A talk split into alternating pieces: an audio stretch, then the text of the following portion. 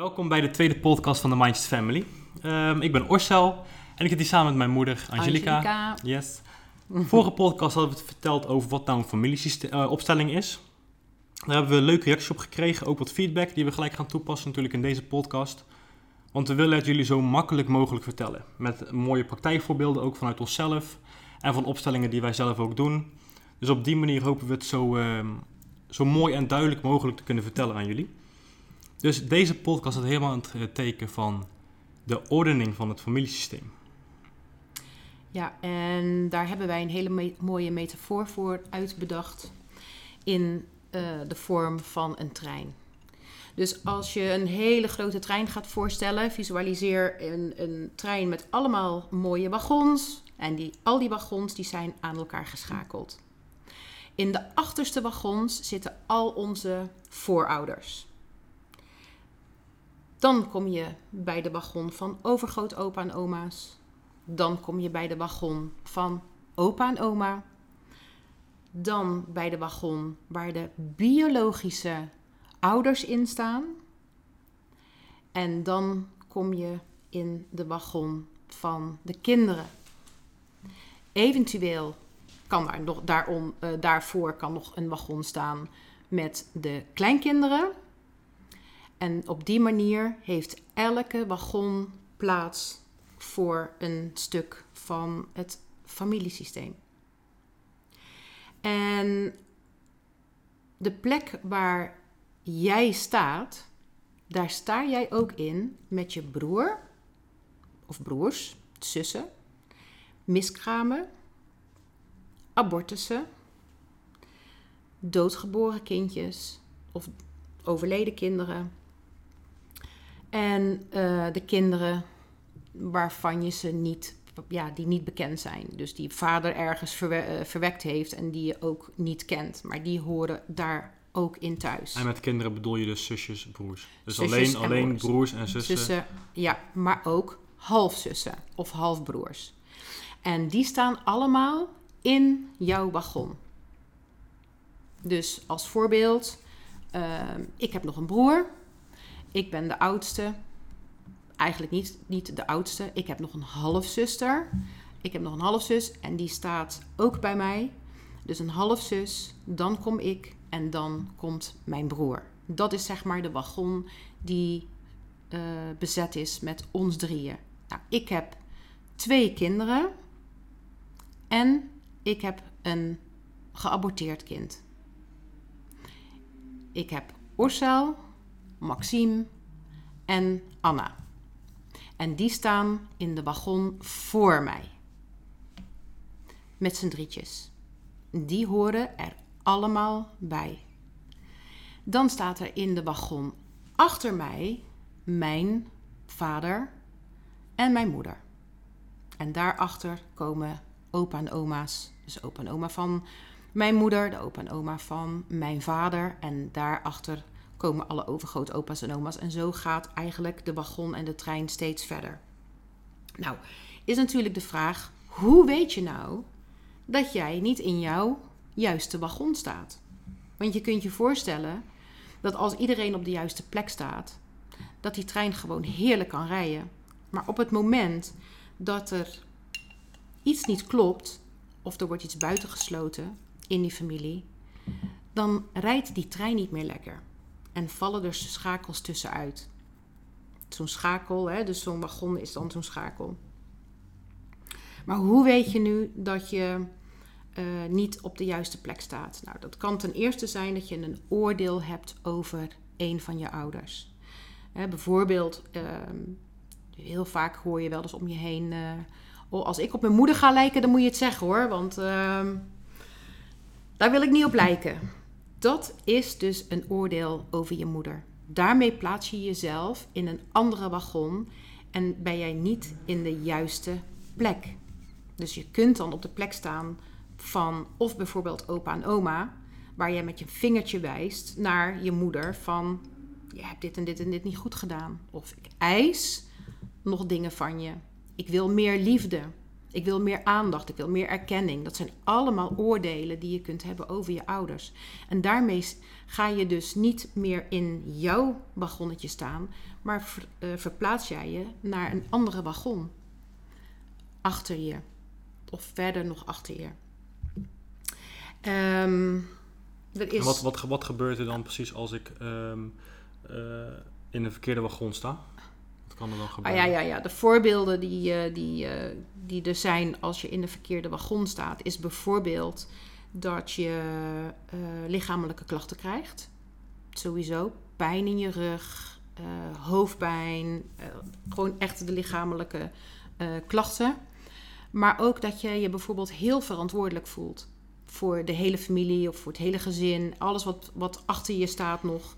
Maar ook bijvoorbeeld op je werk. Dat je daar ook heel veel verantwoordelijkheid voelt. Weet jij ook nog... eh, Ehm, nou, wat je ook kan hebben is dat je geen grens zou kunnen stellen. En wat je daar als voorbeeld zou hebben, want je hebt natuurlijk ook eh, door oordeel zou je al eh, boven je ouders kunnen uitstijgen. ja, wat ik net als voorbeeld Ja, had. maar ja. het zou ook kunnen zijn dat jij bijvoorbeeld veel voor je ouders hebt moeten zorgen. Of misschien wel voor je broertjes of zusjes. Ehm, en ook dan neem jij de plek in van je ouders. Dus ga jij voor het gezin zorgen in plaats van bijvoorbeeld je vader of je moeder. En wat je dan kunt krijgen in het leven is dat je bijvoorbeeld geen grenzen kunt stellen. Of heel moeilijk nee kunt zeggen. Ja, En je kan je bijvoorbeeld ook heel verantwoordelijkheid inderdaad voelen. Ja. Of misschien heb je wel eh, druk van het dagelijks leven. Dat je eigenlijk heel veel doelen zelf hebt. Maar dat je eigenlijk niet echt weet wat je moet, eh, waar je moet beginnen. ja. Ja, of dat je gewoon heel veel doelen hebt en, ehm, en er gewoon niet aan toe komt. Ja. Hè, dus het is niet altijd het weten van eh, waar je moet beginnen, maar dat, er gewoon, dat je ook gewoon er niet aan begint.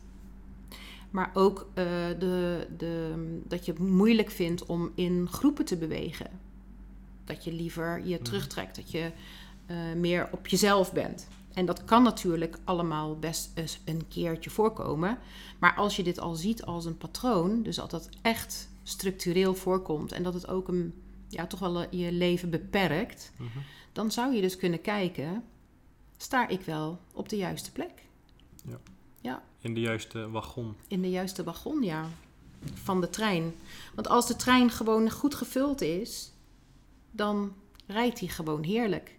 Maar als er een schakel tussenuit is, dan is er ook geen verbinding meer. En dat is die ordening. Dus als een bepaald familielid er ook niet mag zijn, of als er bijvoorbeeld, ehm, hè, ik heb een abortus gehad, om het even op mezelf eh, te, te vertellen.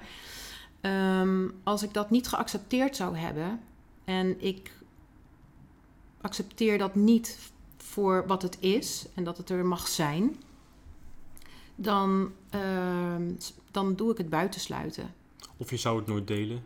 Of ik zou het nooit delen. Ik heb het natuurlijk ook gedeeld met Ursula en Maxime, mijn eigen kinderen. En ik praat erover, ik heb het erkend en ik accepteer het. Het mag er helemaal zijn. Ehm, daarmee stroomt mijn leven. En dat klinkt een beetje raar, maar toen zij het nog niet wisten, liep ik toch wel tegen bepaalde dingen aan. Want ik heb het ook een aantal jaren stilgehouden. En daarmee ehm, ja, blokkeerde ik eigenlijk mijn eigen primaire gevoel. Die mocht er ook nooit zijn. Mijn primaire emotie van verdriet kon ik niet met hun delen. En mocht er eigenlijk niet eh, zijn, omdat ik me daarvoor schaamde. Ja. Dus het is heel belangrijk om te erkennen wat er allemaal is. En dat alles er ook bij hoort. Want je kunt het niet buitensluiten. Want je krijgt daar altijd gedoe van. En het is dan natuurlijk ook zo dat als ik een oordeel heb of ik ben bezig met, mijn, met een van mijn ouders, met mijn vader of mijn moeder, dan ben ik bezig met de wagon achter mij en kan ik alleen maar achter mij kijken. Terwijl dat de wagon voor mij zitten mijn kinderen in. Daar heb ik geen oog meer voor. Ik ben bezig met alles wat er achter mij gebeurt. Waardoor ik de kinderen ja, buitensluit. En eigenlijk niet meer kan zien wat er bij hun gebeurt. En daarmee plaats ik mijzelf in een andere wagon. Naast mijn ouders of zelfs nog de wagon daarachter bij opa en oma. En ik zie ineens mijn kinderen niet meer. Je zou het En- misschien een beetje kunnen vergelijken met achter jou is het verleden en voor je is de toekomst. Als jij zelf alleen maar met het verleden bezig bent, met situaties, met gebeurtenissen die in het verleden zijn gebeurd, dan Ja. zie je misschien zelf ook wel de toekomst niet meer. Dat is een beetje een soort van vergelijking die Ja. je kunt maken, toch? Ja, want als je aan het autorijden bent en je bent eh, voor je aan het kijken, ja, dan gebeurt er eigenlijk helemaal niks. Want dan kun je gewoon opletten. Maar zit je alleen maar in die achteruitkijkspiegel te kijken, ja, dan kun je echt botsingen gaan maken.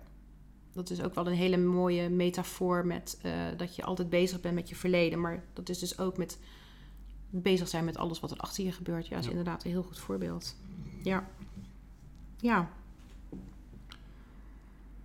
Oké, dus dan heb je inderdaad. ehm, we hebben heel klein kort uitgelegd over, eh, over deze treinen en over wagonnetjes.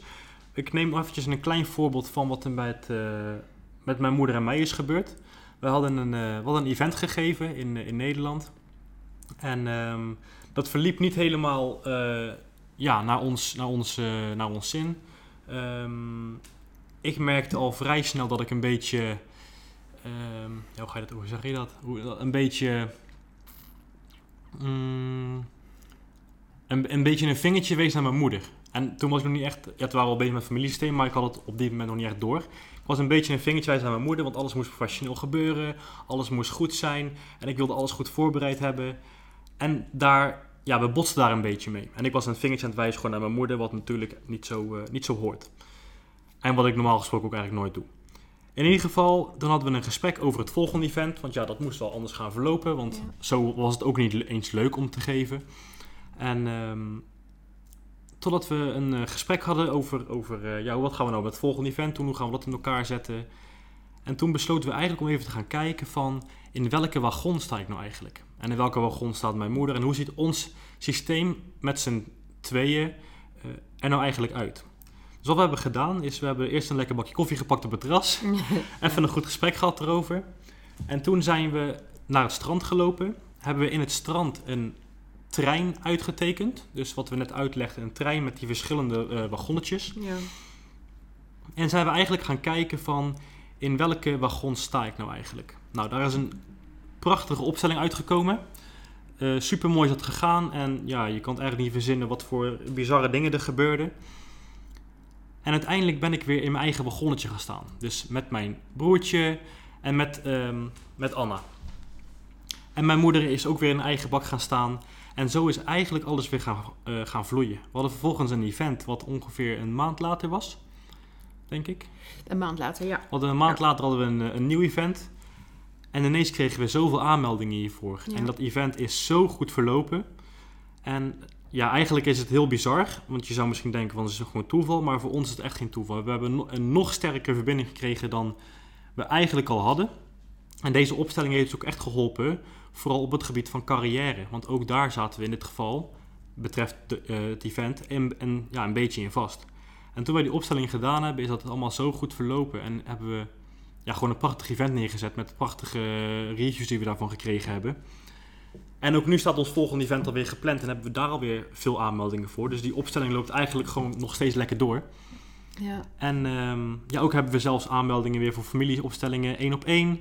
eh, zowel online als in, eh, in, eh, in, eh, Groepsverband. in groepsverband.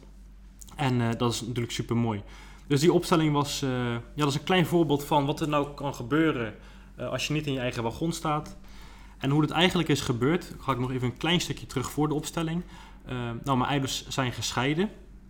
Ehm, en toen mijn vader het huis ging, heb ik eigenlijk de plek van mijn vader ehm, Ingenomen. Heb jij daar nog iets over? eh? Ehm, ja, jij bent gaan zorgen voor mij. En eh, inderdaad de plek van, eh, van je vader eh, ingenomen naast mij. Waardoor dat ehm, eh, Maxime ehm, ook alleen in zijn wagon stond. En jij naast mij. Daarmee was je ook je broertje aan het eh, bevaderen. Ze zeggen wel eens bemoedigen, maar het is het, hè, dat... Mhm. eh, een, op een andere manier zorgen eigenlijk voor, eh, voor je broer. En ook wel ehm, ja, dingen. ehm, je, je stond echt wel als partner naast mij in plaats van mijn zoon.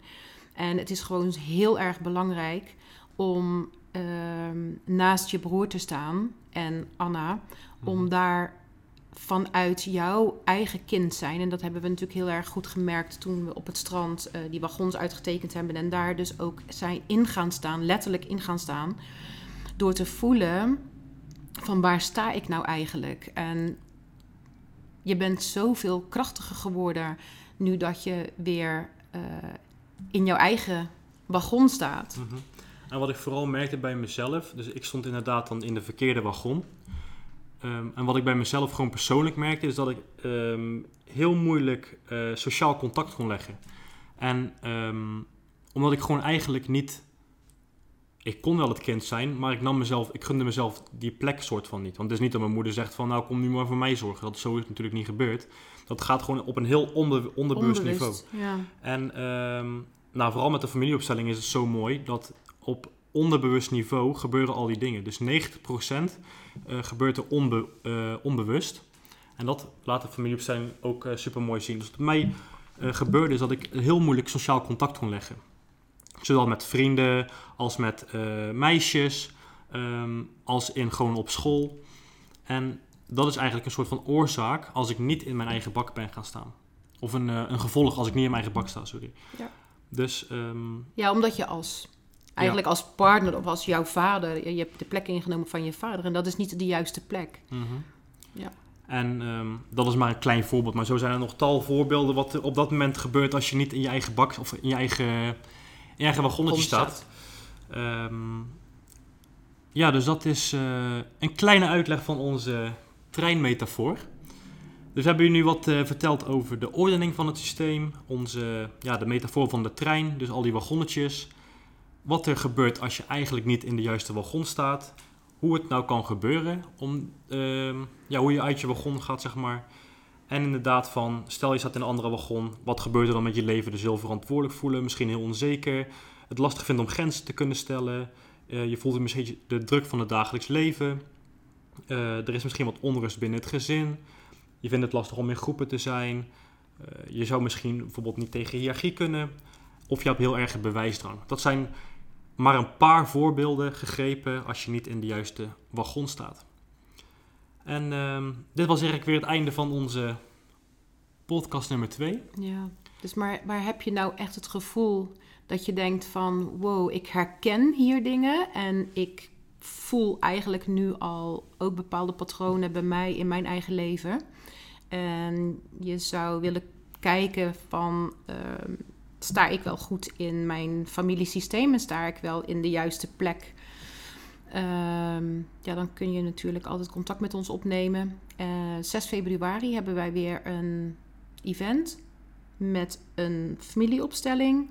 Daar ben je natuurlijk van harte welkom. Of dat je het liever één op één doet, dan eh, kun je contact opnemen via. Ik zal eventjes eh, eh, de link van de familieopstelling in de, in de beschrijving zetten van deze Spotify-podcast. Dan kan je daar misschien op klikken. Er staat ook wat meer informatie op als je het nog even wil lezen. Ja, En ehm, bij deze wens ik je nog een hele fijne dag, avond, ochtend. En ehm, tot de volgende tot de volgende podcast. podcast. Yes.